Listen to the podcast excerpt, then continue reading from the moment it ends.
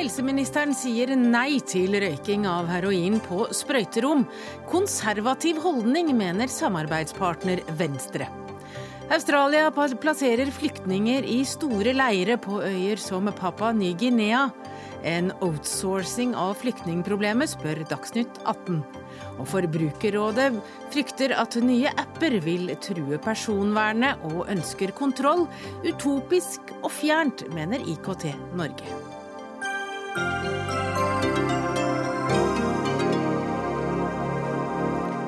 Velkommen til Dagsnytt 18. Dette er noen av sakene, men vi rekker også innom musikaloppsettinger som ikke har råd til musikere, og en debatt om hvor godhjerta vi egentlig er. Fordi en video fra SOS Barnebyer har i dag fylt sosiale medier med dårlig samvittighet og giverlyst. Jeg heter Hege Holm, og først i denne sendingen skal vi igjen tilbake til Ukraina. For eh, som vi har hørt, eh, så har det altså vært trefninger i sentrum og store opptøyer.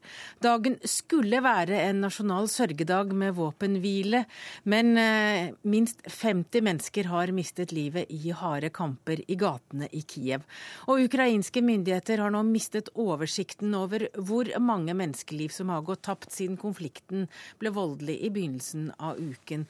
Og Russland-korrespondent Hans-Wilhelm Steinfeld, du er fortsatt i Kiev. Kiev. Hvordan er situasjonen? Situasjonen nå er at folk prøver å bygge opp igjen de barrikadene som de mistet i formiddag. Uh, her på Hotell Ukraina, som har vært feltlasarett under dagens blodbad, uh, sa en lege til meg for et par timer siden at uh, bare i hennes nærvær hadde, hadde 20 mennesker omkommet. Opposisjonen hevder så mange som 100 kan være drept i dag. Vi fikk inn en melding for ikke så lenge siden om at også 67 politimenn er tatt som gisler av demonstrantene. Hvordan vurderer du det? Jeg vurderer det slik at det har nok skjedd under tumultene ved forskjellige barrikader de siste dagene. Eh, og målsett der mistet vi kontakten med korrespondent Hans-Wilhelm Seinfeld fra Kiev. Men Berit Lindemann, du er her. Du er seniorrådgiver ved den norske Helsingforskomiteen. Du har selv bodd i Ukraina. og Hva er din reaksjon på det som vi hører nå fra Kievs gater? Det er ubegripelig å forstå at vi har eh, hatt et blodbad i eh, Kievs gater de siste to dagene. Eh, det er ubegripelig at presidenten ikke innser at han må ta tak og få dette inn i fredelige reformer, og at han ikke forstår at han faktisk må strekke ut en hånd til demonstrantene for å vise at han mener alvor med det. Ja, Det var jo snakk om våpenhvile i dag, og at man skulle ta seg av de skadde og døde. Hvorfor ble det ikke noe av den våpenhvilen?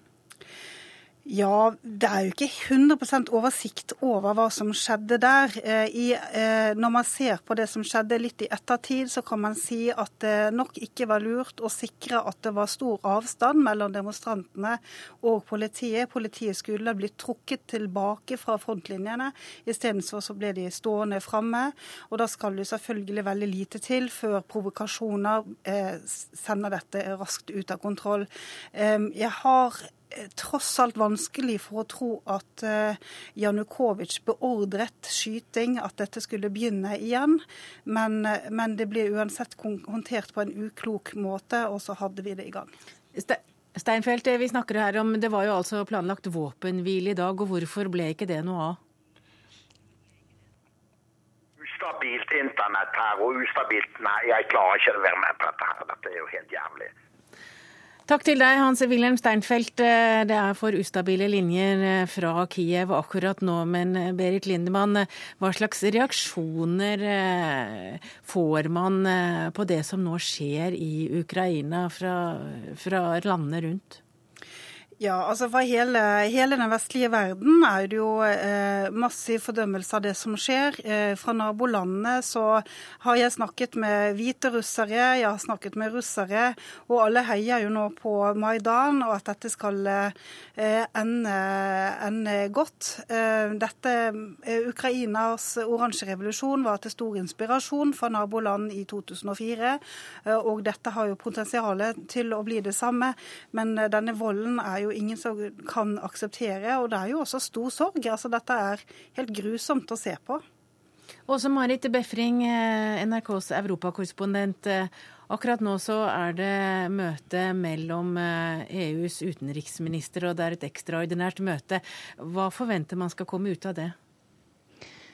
Ja, Det har i hvert fall helt klart vært et stemningsskifte etter denne siste dødelige utviklingen i Kiev. Man vet jo ikke hva som kommer ut av møtet før de er ferdige. De sier at de skal ha Eh, ha noe klart eh, klokka 19. Og det som diskuteres er jo sanksjoner. Og da utenriksministrene ankom eh, klokken 15 i dag, så sa den danske utenriksministeren Martin Lidegaard at han trodde at de nå ville gå inn for sanksjoner for nettopp å sende et sterkt signal. Og Carl Bildt sa også at han var overrasket og sa at dette var en mye mer grusom retning enn det vi allerede hadde sett. Den britiske utenriksministeren sa også at det er på tide å handle slik at volden stanser. Eh, men på den andre siden, eh, nå har de tre utenriksministrene fra Frankrike, Tyskland og Polen de har blitt igjen i Kiev. Eh, de har snakket om at det er en åpning der i forhold til å få til en dialog mellom opposisjonen og Janukovitsj, ifølge lekkasjer som kommer derfra. Så det er jo et veldig broket bilde. De har rapportert inn hva de har opplevd, sett og hørt i dag, til utenriksministrene, som altså nå sier at de skal være komme til en konklusjon om en time. Men hva slags sanksjoner kan, det, kan komme på tale? Ja, det som i så fall er snakk om, er eh, innreiseforbud til EU eh, for eh, de de mener er ansvarlige for volden. Og I tillegg så snakker de om at man skal fryse midler i europeiske banker. Og Dette mener de skal ramme familien til Janukovitsj, til ledere som har f.eks. også ledere for sikkerhetsstyrken, har vært nevnt blant de utenriksministrene som kom i dag. Sånn at de ønsker å ramme de de mener står bak det blodbadet vi ser nå. Vet du om det er noe kontakt mellom EUs eh, e utenriksministre og Janukovitsj? Eh, ikke direkte på dette møtet her, men det er altså tre utenriksministre som, eh, som, har vært i Kiev, som har sittet i fem timer i møte med Janukovitsj. De hadde først et møte på to timer, så gikk de fra hverandre, og så kom de tilbake igjen og fortsatte i ytterligere tre timer. Og Det blir jo på en måte sett på som et, eh, kanskje et lite lyspunkt, at det kan være at de klarer å finne en dialog her mellom opposisjonen og Janukovitsj. Takk til deg, Åse Marit Befring, europakorrespondent i NRK. Berit Lindemann, eh, hva tror du kan komme ut av slike sanksjoner vi hører om her? Ja, altså jeg, jeg, jeg har forstått at eh, sanksjoner også kan gjelde eh, midler til den nærmeste kretsen til Janukovitsj. Og det skal vi huske på at den kretsen er Ukrainas rikeste mennesker i stor grad, som har bygget seg opp, og som er avhengig av Janukovitsj for å beholde denne rikdommen sin. Så det vil svi? Det vil svi, og det kan skape skape press på to fronter, nærmest. Altså at um, ja, altså EU skaper presset mot eh, disse oligarkene, men de kan igjen skape, dette, legge dette presset på Janukovitsj for å forhindre utviklingen. Eh, det er andre ting. Da må vi tilbake til Åse Marit Befring, for nå skjer det noe eh, i Brussel. Ja, akkurat nå så kom det melding om at de nå har gått inn for sanksjoner. altså Utenriksministrene har gått inn for å både fryse eh, økonomiske midler og eh, innreiseforbud for Eh, for de som de mener er ansvarlig for denne volden. Eh, dette er, eh, vil altså si at de mener at det ikke var noe håp i forhold til den dialogen de hadde med myndighetspersoner i dag. Og det her vil jo nå også kunne bety et mye vanskeligere forhold f.eks. For i forhold til Russland, og at de nærmest også sparker igjen den døra de har holdt åpen for Ukraina til å komme tilbake til forhandlingsbordet, i hvert fall så lenge Jonukovitsj sitter som president. Og, er, og disse sanksjonene får øyeblikkelig virkning? Disse sanksjonene de er eh, innført med øyeblikkelig virkning. Antagelig så betyr det at de, de virker fra i morgen. Ja, og eh, Det vi også vet, det er at eh, i ettermiddag så har Janukovitsj vært i kontakt med Putin og bedt om at eh, Russland selger, sender en forhandler til eh, Kiev for, eh, for, å forhandle med opposisjonen, og sender sin da nylig opptroppede eh, ombudsmann Lukin ned. det er også en som heter Tigipko inn i parlamentet, som er, er også en oligark, men mer nøytral, som også er med nå som forhandler. Så det er andre typer forhandlinger som pågår i Kiev, mens utenriksministrene sitter i i Brussel. Ja, og nå hører vi altså at EUs utenriksministre har vedtatt sanksjoner mot Ukraina akkurat for noen få minutter siden. Takk til deg, Berit Lindemann, seniorrådgiver ved den norske Helsingforskomiteen. Også takk til deg også, Marit Befring, vår korrespondent i Europa. Og takk til Hans-Wilhelm Steinfeld, som var med et kort øyeblikk fra Kiev, der telefonlinjene er vanskelige.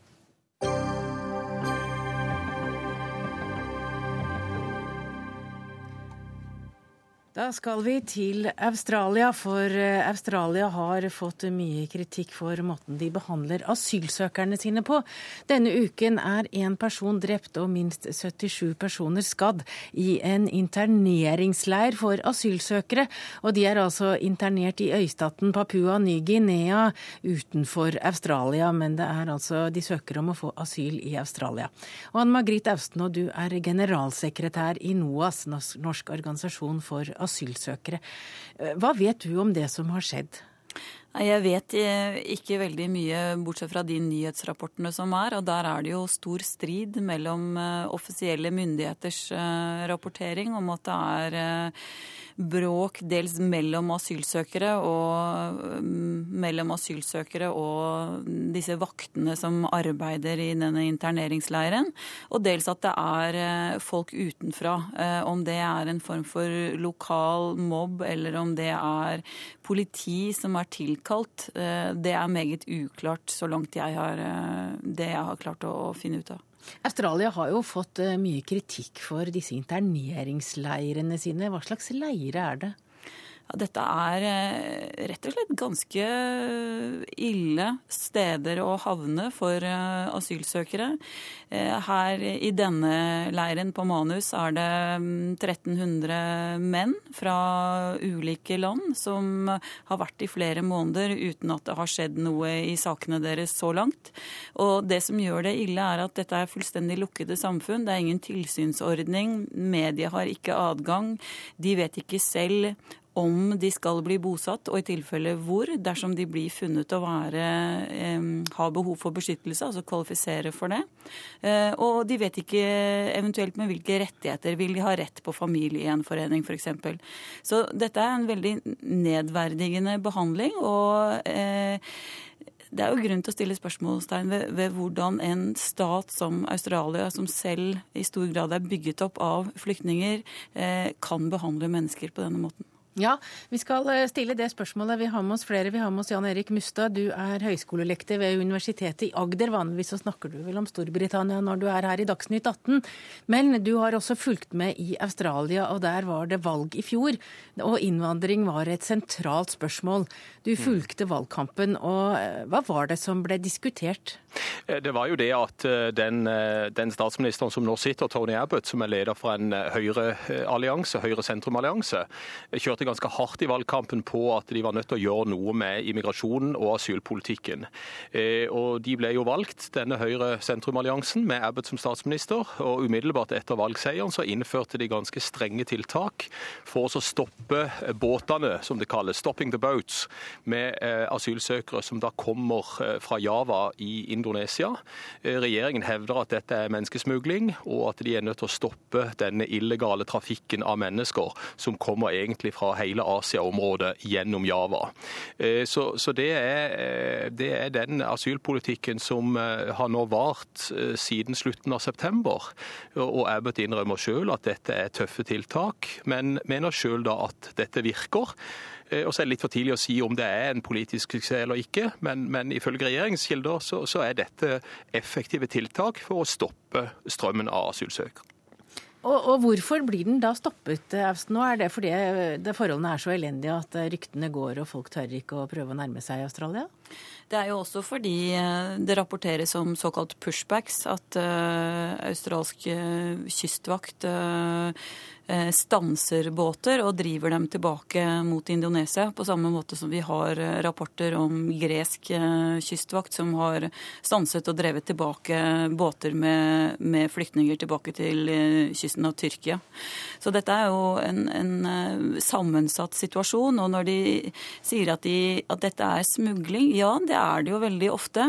Fordi det er veldig få land som utsteder visum for at asylsøkere skal kunne komme til landet og, og søke asyl på en slik måte.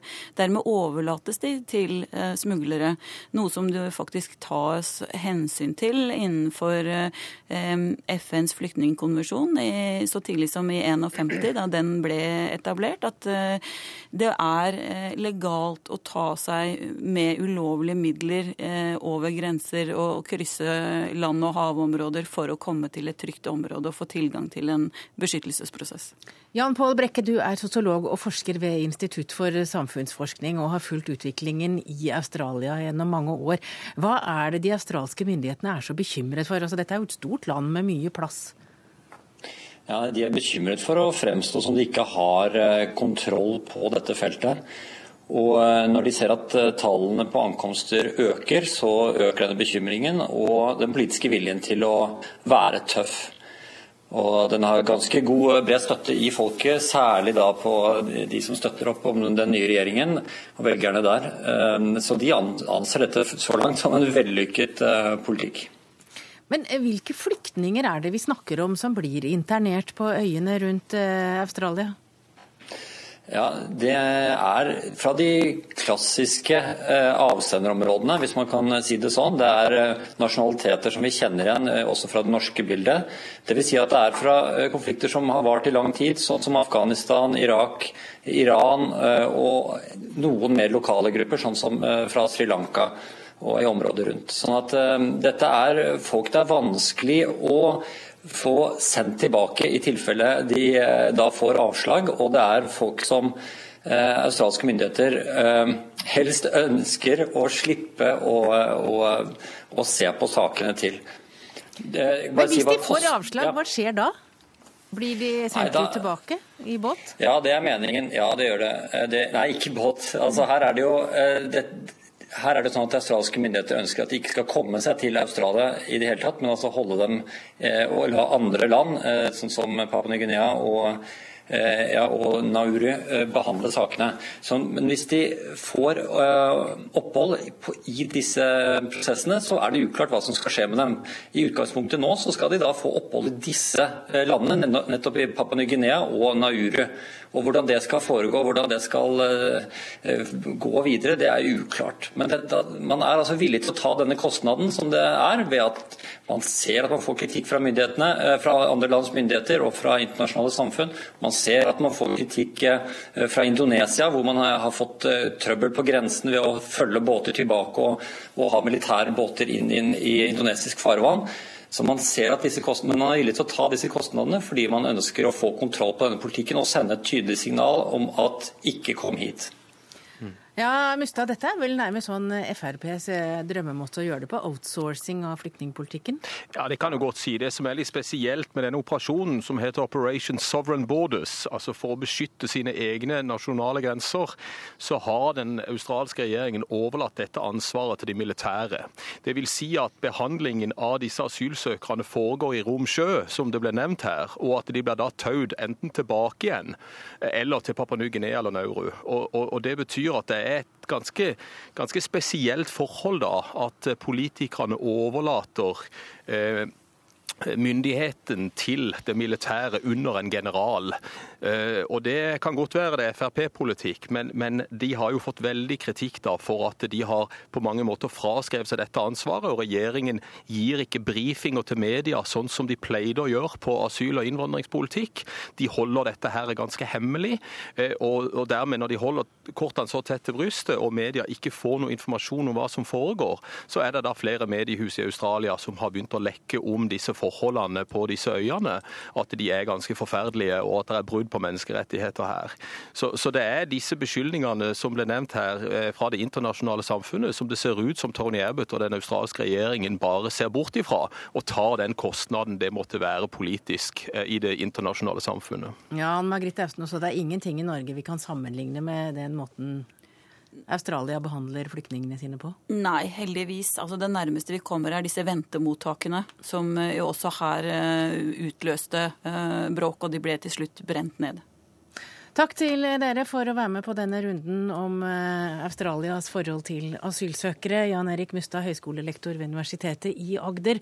Og så har vi også med oss Ann Margrit Austen og generalsekretær i NOAS. Du kommer tilbake i en senere sak i dag, og vi hadde med oss Jan Pål Brekke denne gangen fra New York. Han er sosiolog og forsker ved Institutt for samfunnsforskning. Dagsnytt 18 alle hverdager kl 18.00 på NRK P2 og NRK2.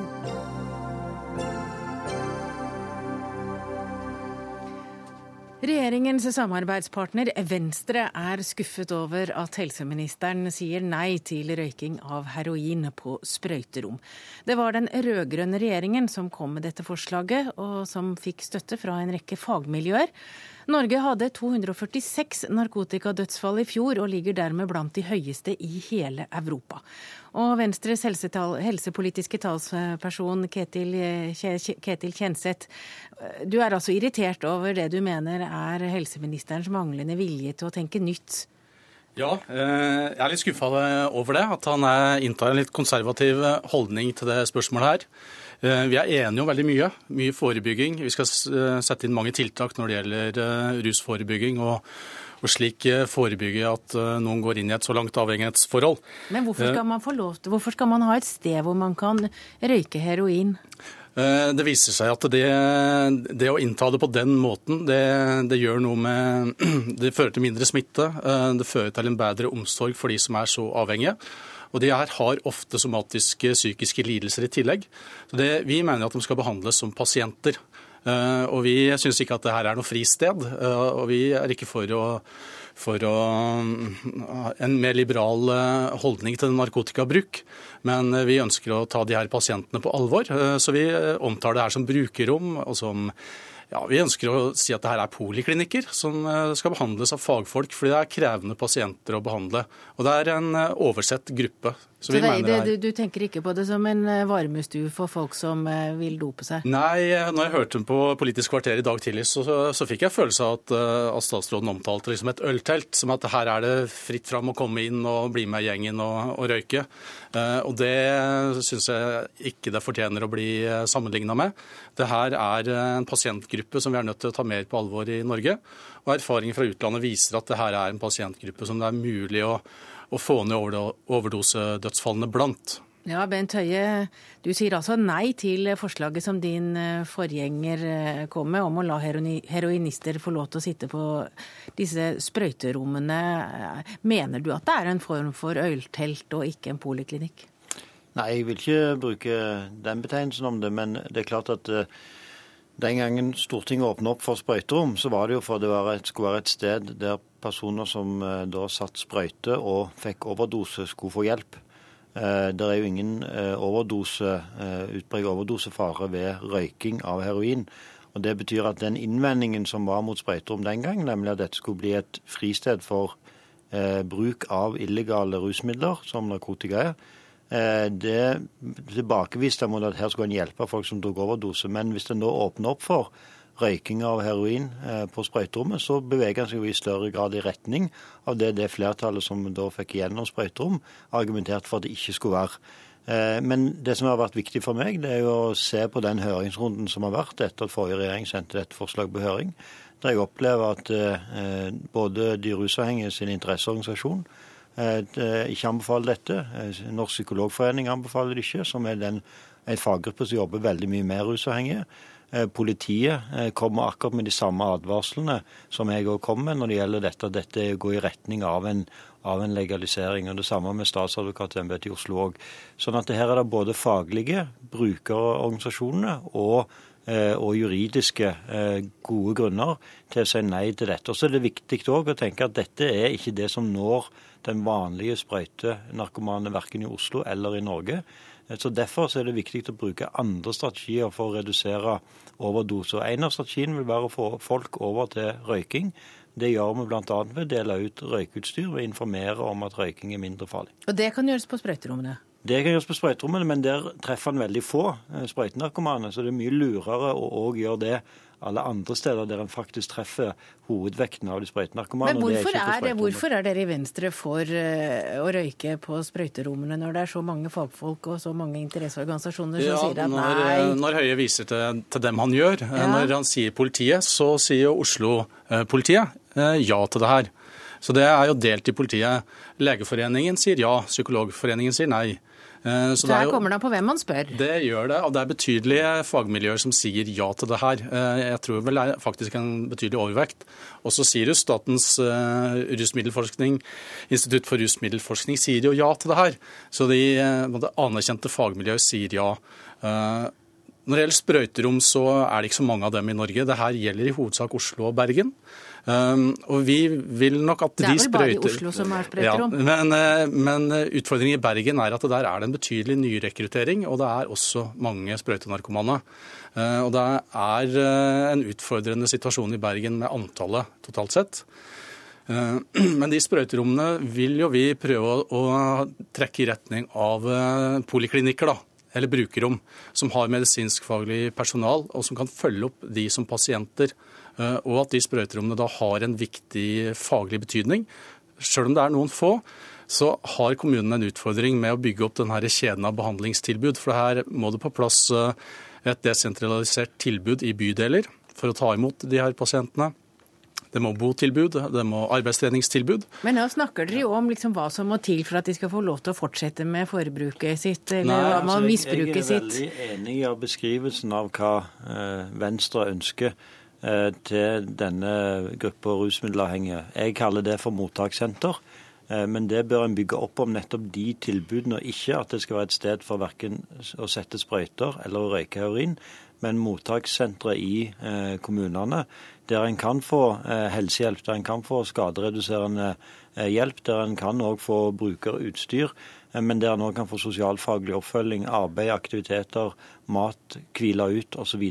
Derfor er det jo vi òg har, i sammen med Venstre, øremerka over 340 millioner kroner til kommunene for å etablere mottakssenter. Men jeg syns ikke det er en god idé av disse mottakssentrene skal også bli et fristed for bruk av narkotika. Men Høie, vi ligger jo på toppen når det gjelder overdosedødsfall. Er det ikke et poeng å prøve absolutt alt? Det er ikke et poeng å prøve absolutt alt, men det er et poeng å prøve det som vi føler oss trygge på har betydning. Og Derfor kommer jeg også ganske snart, i løpet av mars, til å komme med en egen nasjonal strategi eh, for å redusere overdosedødsfall. Og I den strategien så vil, vil det òg være en av strategiene å bidra til at eh, personer som begynner å røyke heroin, ikke går over til å bli eh, bruke sprøyter. Og eh, eh motivere de som allerede har gått over til sprøyter, til f.eks. begynne å røyke istedenfor. Men den siste delen må vi erkjenne er veldig vanskelig. En må ha tre ganger så høy dose, eh, får mindre effekt. sånn at det er klart at eh, eh, det har òg noe med hva er realistisk å få til på dette området. De hardest rammede de fortsetter å sette sprøyte? Det er det billigste og mest effektive. Det er dessverre, så Derfor så er jo hovedløsningen, og det er, jo helt, det er jo Venstre helt enig i, hovedløsningen ligger jo i et betydelig bedre behandlings- og oppfølgingstilbud. For et av de og da store to. er og Da kan dere få lov å fortsette den konstruktive debatten utenfor studio, for nå har dere hatt debatten om hva dere er uenige om gjennom hele dagen. Takk til deg, helseminister Bent Høie og Ketil Kjenseth, Venstres helsepolitiske talsperson.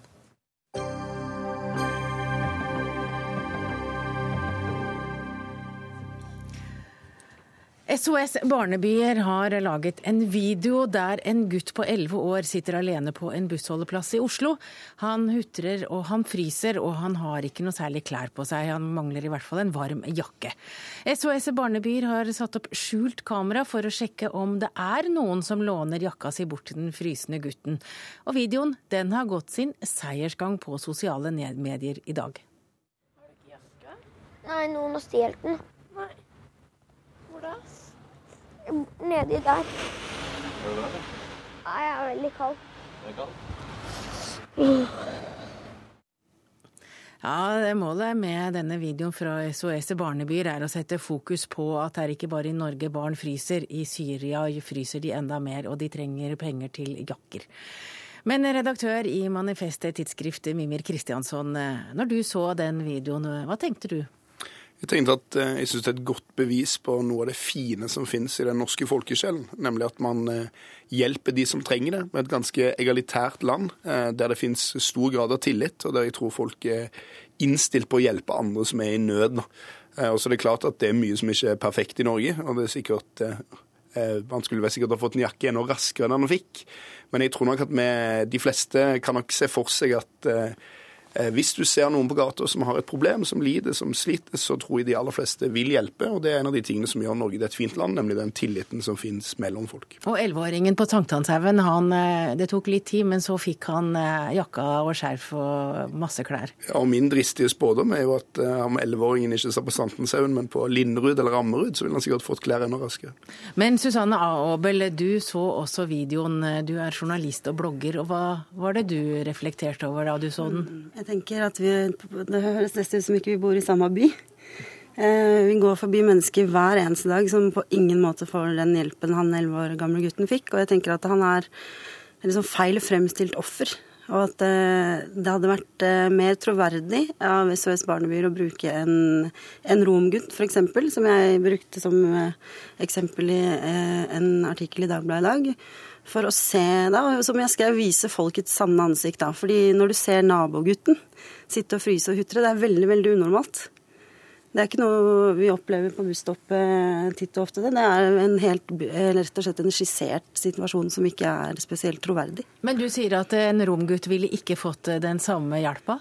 Jeg frykter det. Jeg kan ikke si det for sikkert, fordi det var ikke en romgutt som satt der. Jeg vet bare at jeg ser Eh, barn. Du er jo barn fram til du er 18 år, og så vidt eh, jeg kan bruke øynene mine, så syns jeg at jeg ser barn under 18 år som sitter og fryser eh, vinteren rundt i, i Oslo utenom at jeg eh, vurderer å gi dem jakka mi en gang. Ja, det er jo åpenbart forferdelig, da. Det sier jo litt om deg kontra de menneskene i den filmen, da, som jo åpenbart gir jakka si vekk. da, og jeg jeg føler at den reaksjonen til, til Susanne her på en eller annen måte er en slags eh, masseforakt. Det er en idé om at folk i Norge er eh, dummere, mer eh, fremmedfiendtlige, mer sneversynte enn det jeg tror er sannheten. Jeg kan selvfølgelig heller ikke si helt sikkert at Hvis det ikke hadde vært sannheten, så hadde det sittet en helt annen regjering i dag enn det de gjør i ditt Eh, univers, da, Mimir? Eh, nei, altså i denne regjeringen så sitter det et parti som heter Fremskrittspartiet, som mange ser på som fremmedfiendtlig, inkludert meg. Det er det 11% av nordmenn som har stemt på.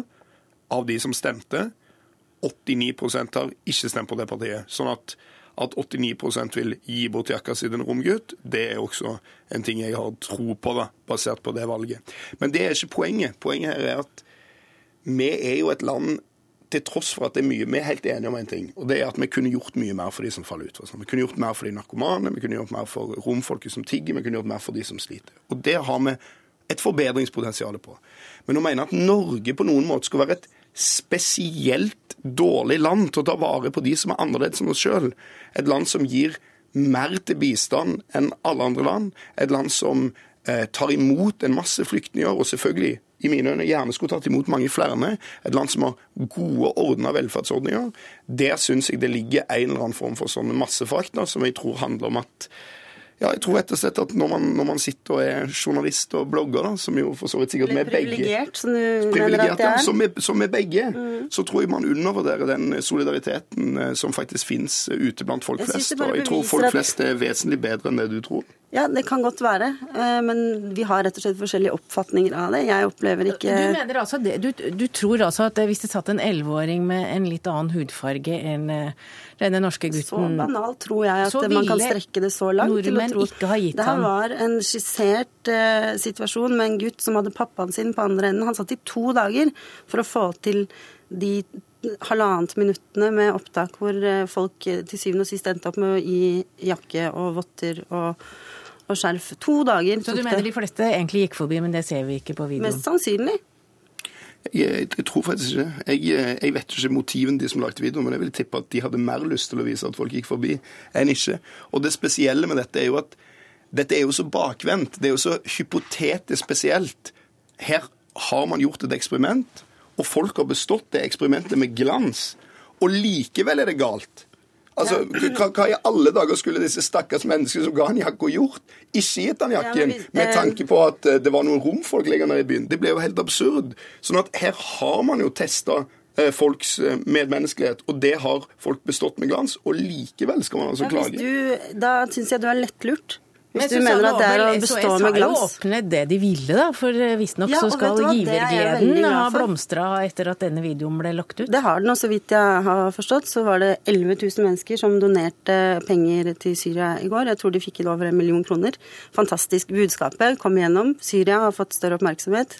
Det var formålet. Og det Så sånn jo at vi er ganske godhjerta? enige. Ja, det viser seg jo det. Men det måtte jo et eksperiment og et stunt til. For, og en, Nei, men dette er du måtte helt- sende Du måtte jo Det absurde med dette er jo Norge gir jo gjenkjenne deg altså, Jeg mener med hånda på hjertet at hvis det hadde sittet en annen type tenåring, f.eks. En punker med skateboard under armen som satt med sneip i munnviken og frøys. Som du var redd for at skulle ta mobiltelefonen din, så er jeg usikker på om, om givergleden hadde vært så stor. Det finnes jo en eller annen kjerne av sannhet her, det tror jeg vi er enige om. da, At det er åpenbart at det er noen typer situasjoner, noen typer mennesker der det er lettere å hjelpe. Altså Jeg, jeg for eksempel, vil oftere hjelpe en gammel dame over gaten enn en ung mann. altså Uansett om begge to har like stor behov for hjelp.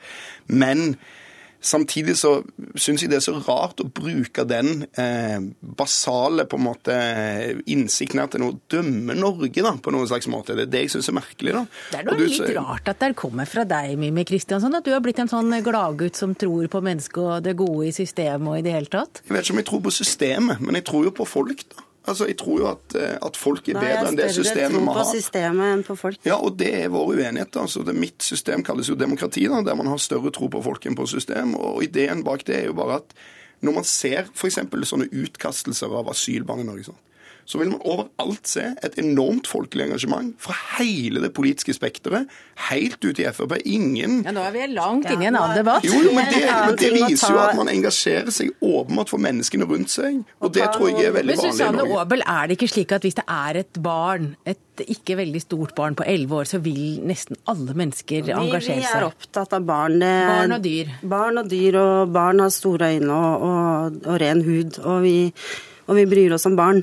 Men asylbarna, altså det er lettere å skrive under på en eh, kampanje på Facebook eller på internett enn å ta en person under huden, sånn som de gjorde med han guttungen på bussholdeplassen.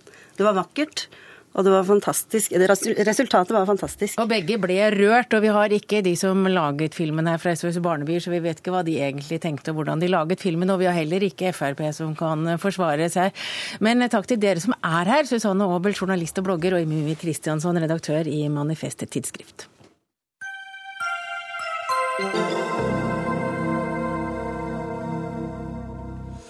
Norge bryter internasjonale forpliktelser når vi fengsler asylsøkere som har brukt falske ID-papirer for å komme inn i landet. Det kommer fram i en ny rapport fra Norsk organisasjon for asylsøkere. Og velkommen tilbake, generalsekretær Ann Margrethe Austen. Hva mener dere at Norge gjør eh, når de nå ifølge dere bryter flyktningkonvensjonen? Jo, Norge straffer med bøter eller fengsel eller begge deler asylsøkere som tar seg eh, over grensa og inn i Norge med falske papirer eller eh, uten dokumenter. Og det mener vi er klart i strid med flyktningkonvensjonen, som åpner for at det er nødvendig for en del å bruke falske dokumenter for å kunne ta seg til et trygt område for å søke beskyttelse. Ja, du kan, kan du fortelle hvordan ser en typisk slik sak ut?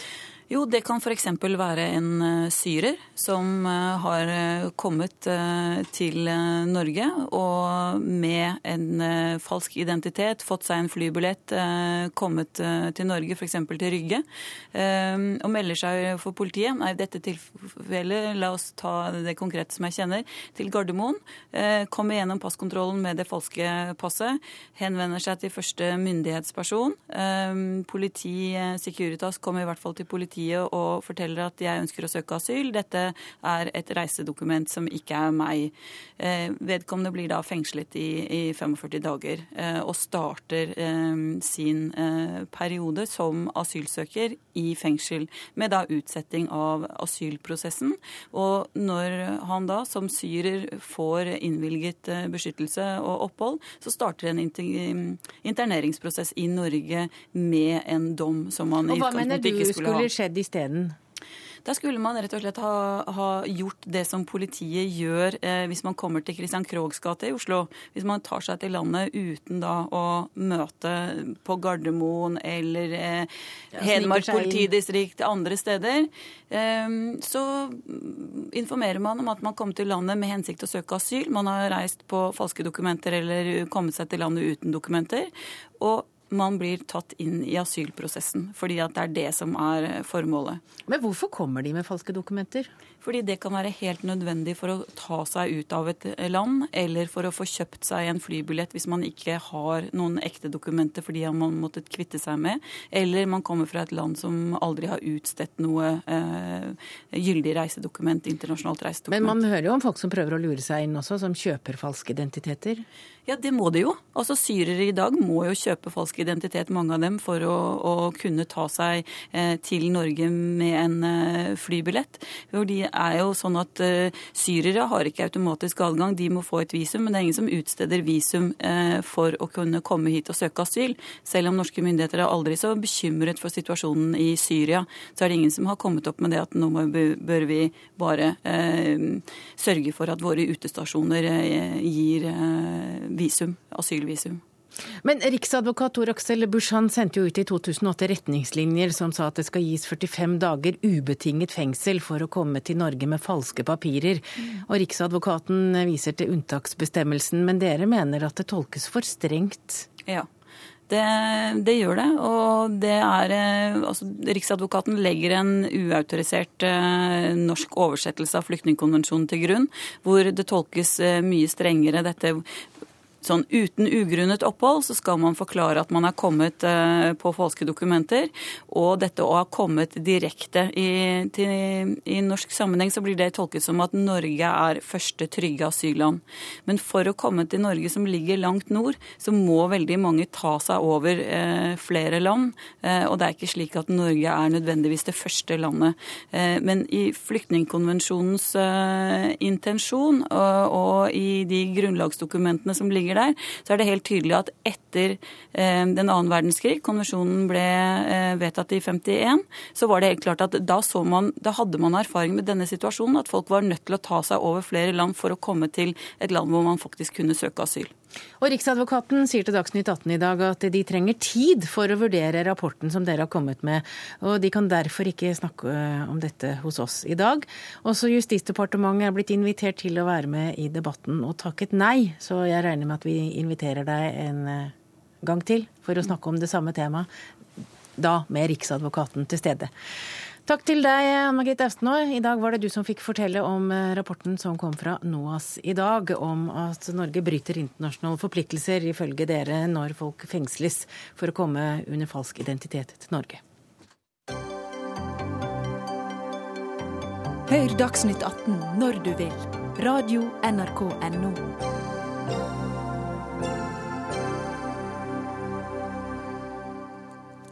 Ja, Snart er det slik at en skulle ønske at en kunne laste ned apper hvor en fikk mer penger også. Slik er det ikke, men neste uke da kan du laste ned en app som gjør at du kan bruke appen som betalingsmiddel i stedet for penger i en del butikker.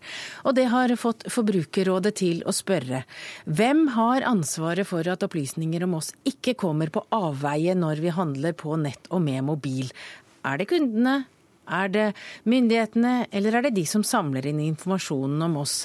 Og det er du som stiller spørsmålet, Jorge B. Jensen, du er fagdirektør i Forbrukerrådet. Hva svarer du? Nei, jeg mener at det er for mange som peker mot forbruker og sier at det er forbruker som skal redde dagen. Eh, vi skal ha de mest eh, avanserte brukerne som forstår hele personvernproblematikken. Eh, og det syns jeg går for langt. Jeg syns det er flere som skal være med og gjøre det enkelt. Eh, for forbrukere å beskytte sitt personvern. Eh, vi lanserte en rapport i forgårs, må det ha vært, eh, hvor vi også pekte på fire ting som må på plass for at forbrukerne kan beskytte sitt personvern. Og det er?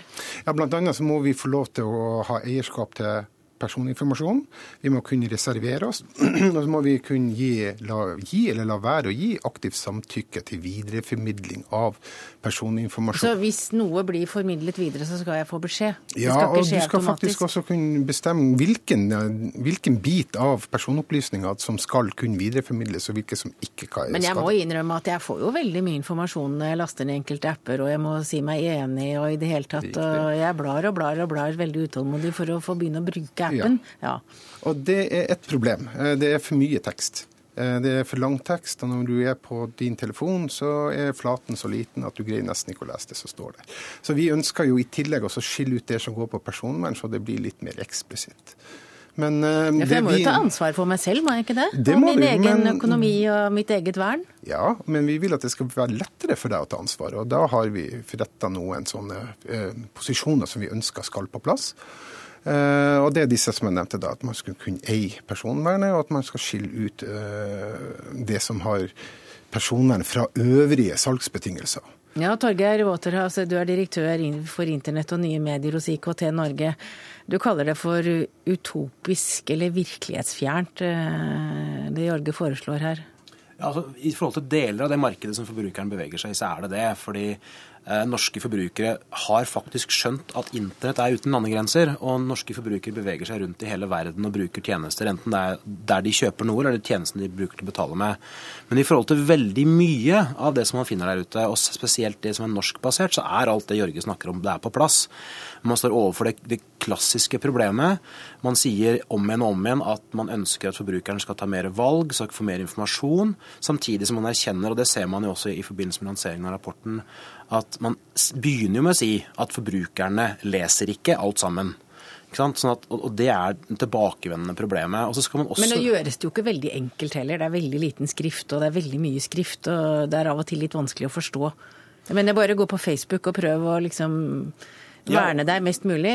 Plutselig hadde jeg trykka så mange ganger vern at eh, jeg klarte ikke å gjøre noen ting der ute. Ikke sant? Du, og du har verna deg mot deg selv, og det kan kanskje Ja. være hyggelig. Det, det, det gjenstår å se. Men, og det er et opplagt et problem, men, men det, det er også en illustrasjon på at samfunnet vårt har blitt mer komplisert. Det er veldig mye mer du skal ta hensyn til.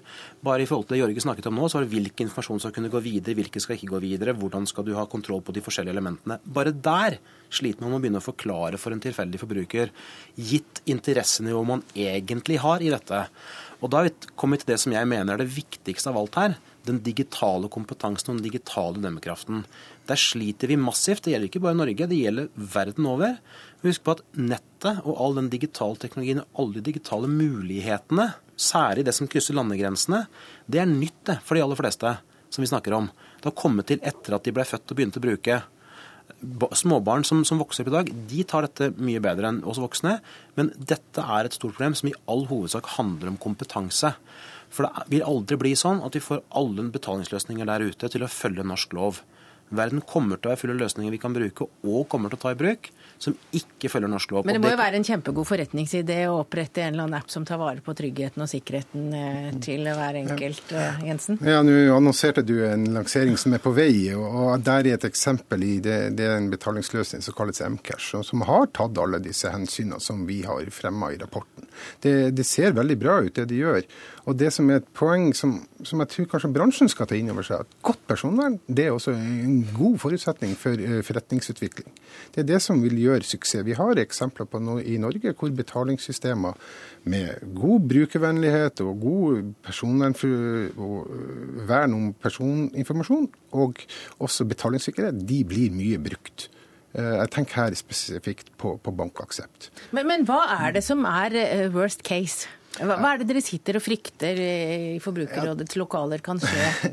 Det vi frykter, det er jo at det samles inn for mye data som ikke skulle være der. Og at denne dataen da blir videreformidla. Så da får vi et brudd på personvernet som, som ikke er gjennomført av storebror som ser det, men lillebror som driver på og ser det. At du har et næringsliv som samler inn veldig mye informasjon som det egentlig ikke skulle ha. Og så da, vil jeg si? Og, og så, det er helt... Vi ser jo at de gjør det. altså Vi ser jo Google vet veldig mye mer om oss enn nesten vi vet om oss selv. men- Facebook vet mer om oss enn vi Vi, vi syns jo at personvernet skal være til forbruker som bestemmer hvor mye av dette personvernet som flyter rundt. I dag er det ikke mulig å gjøre det. Du nevnte sjøl veldig mye disse betingelsene som du må lese. Mange forbrukere ser på uh, salgsbetingelser som et ultimatum. Enten så må du akseptere dette, så må du la være å bruke tjenesten. Men det er ikke bra for samfunnet. fordi vi har en del av disse kommende tjenestene som er veldig bra for samfunnet. Altså Moderne betalingsløsninger har vi tro på. Men da må også forbrukere lov å, uh, få lov til å bruke de moderne betalingstjenestene uten å gi fra seg all informasjon, hvis de ønsker det. Poenget er å gjøre brukerne trygge, er det ikke det, Våtras? Helt riktig. Og jeg tror vi skal begynne med, sa Jørge her, at bransjen må ta inn over seg. Jeg tror hele grunnen til at vi har kommet hit vi har kommet, er at bransjen har hatt dette som et kjernefokus hele tiden. Personvern er en viktig faktor, det er innebygd i veldig mye. Og, og, det som er fascinerende å se, er at hvis man, virkelig følger personverndebattene, så er det gjerne IT-folk som leder an der og tar personvern på alvor i vår digitale tid. Mens vi legger ut bilder av barna våre? Ja, ja, det, og det pøses på. Og det som, er, det som er ganske viktig her, da, det er nettopp det at hvis du hører på, på, på, på, disse debattene, så er det stort sett frykt for at det ikke er sikkert nok, stort sett frykt for at man ikke kan identifisere seg osv. Så sånn at Det vanlige problemet er at man ikke er trygg nok på hvem som faktisk bruker penger, og at det er det man er redd for. Og Så sier Jørgen nå samtidig at jo, nå må vi slutte å ha, ta inn informasjon om brukeren. Vi er helt avhengig av å identifisere brukeren til enhver tid i sånne transaksjoner. Hvis ikke så aner vi ikke hvem som bruker penger. Så dette her er en debatt som, som liksom springer litt ut av det, det vi trenger. Mer fokus på, på brukere med kompetanse, mer fokus på sikre, gode løsninger. Det i fall, høres i hvert fall ut som ja. dere tenker på mitt beste. Det er den tiden dere fikk til å gjøre det i dag. Takk til Jorge B. Jensen, fagdirektør i Forbrukerrådet, og Torgeir Waterhouse, direktør for internett og nye medier i IKT Norge.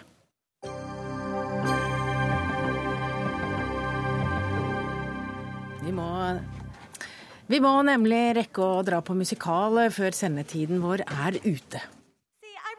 Sing. I could never really sing. What I couldn't do was sing. I have trouble with the. No. It goes all around my. Frogs. It's a terrifying. Sing. See, I really couldn't hear which note was. Og her hørte vi noen toner fra musicalen A Chorus Line. Og musikaler uten musikere er altså noe av det som er i ferd med å komme. Dette er en musikal uten musikere, og det syns ikke du noe om. Nestleder i Musikernes Fellesorganisasjon, Kristin Haagensen, du har vært og sett A Chorus Line, og du likte ikke det du hørte? Nei, jeg må innrømme det. At uh, vi var skuffa vi, uh, etter vi hadde vært og sett forestillingen. Nå må jeg få lov å berømme danserne og sangerne. Jeg syns de gjorde en fantastisk jobb ut fra den forutsetningen de hadde for det.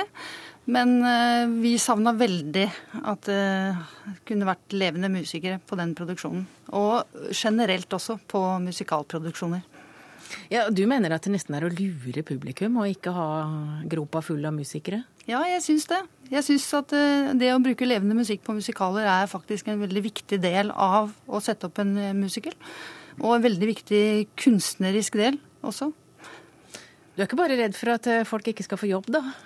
Det er klart at eh, vi i MFO er opptatt av å ivareta våre medlemmers interesser. Og vi har jo mange medlemmer som opererer innenfor denne sjangeren. Eh, men det er ikke bare det. Det er jo noe med også å gi publikum hva de betaler for. Og det er noe med dette her med eh, fleksibiliteten og formidlingsmulighetene når man har et, et orkester til stede.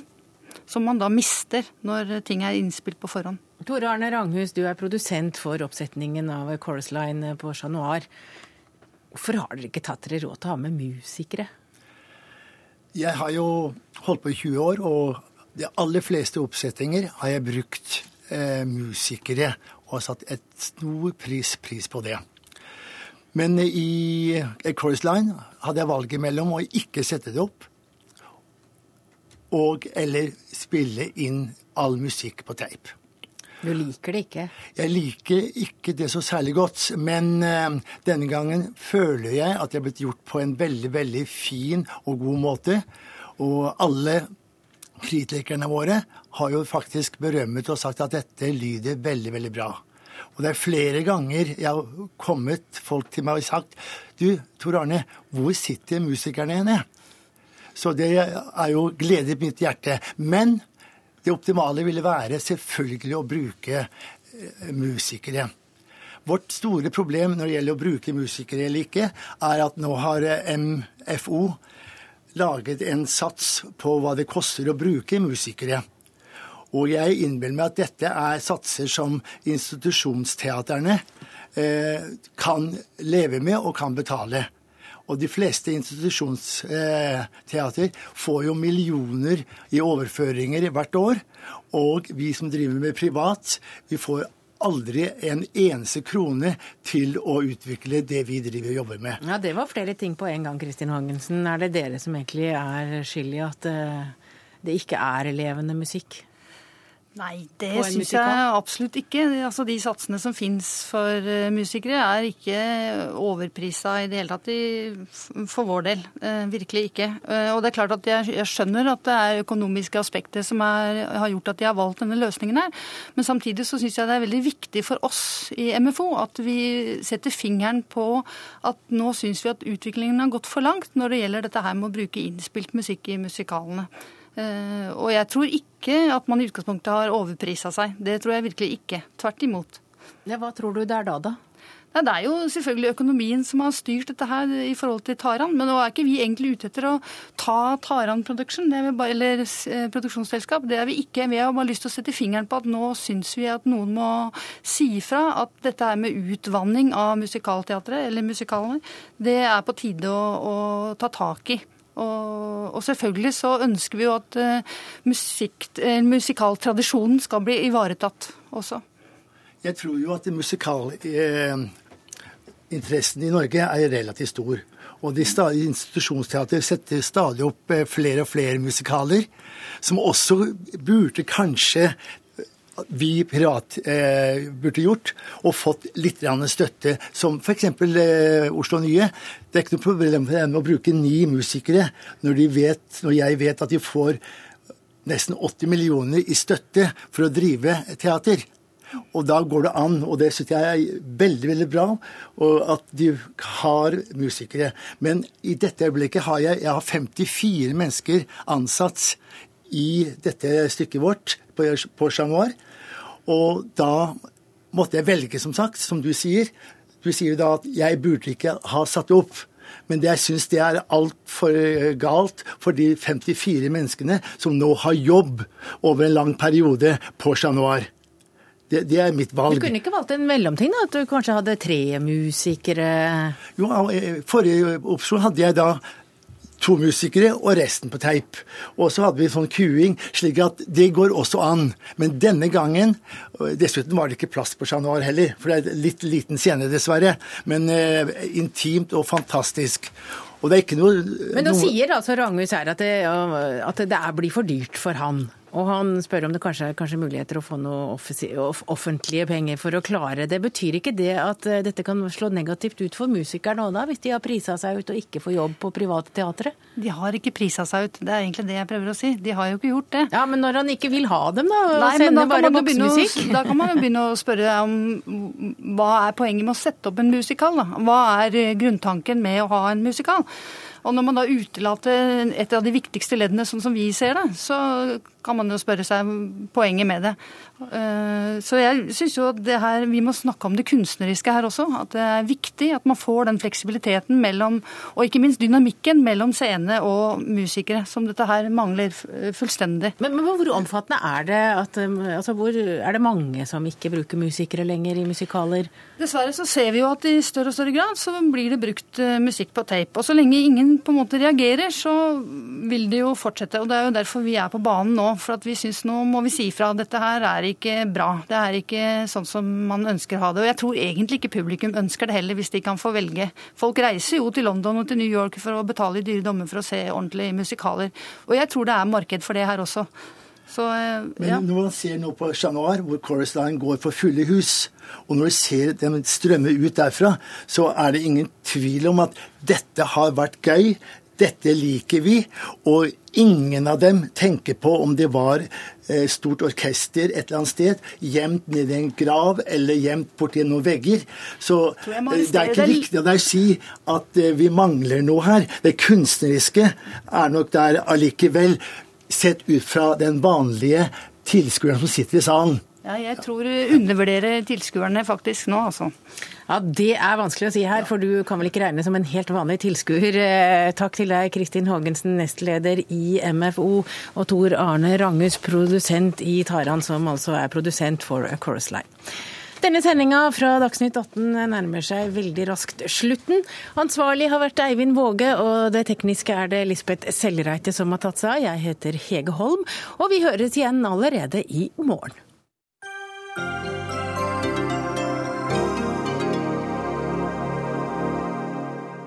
Hør flere podkaster på nrk.no podkast.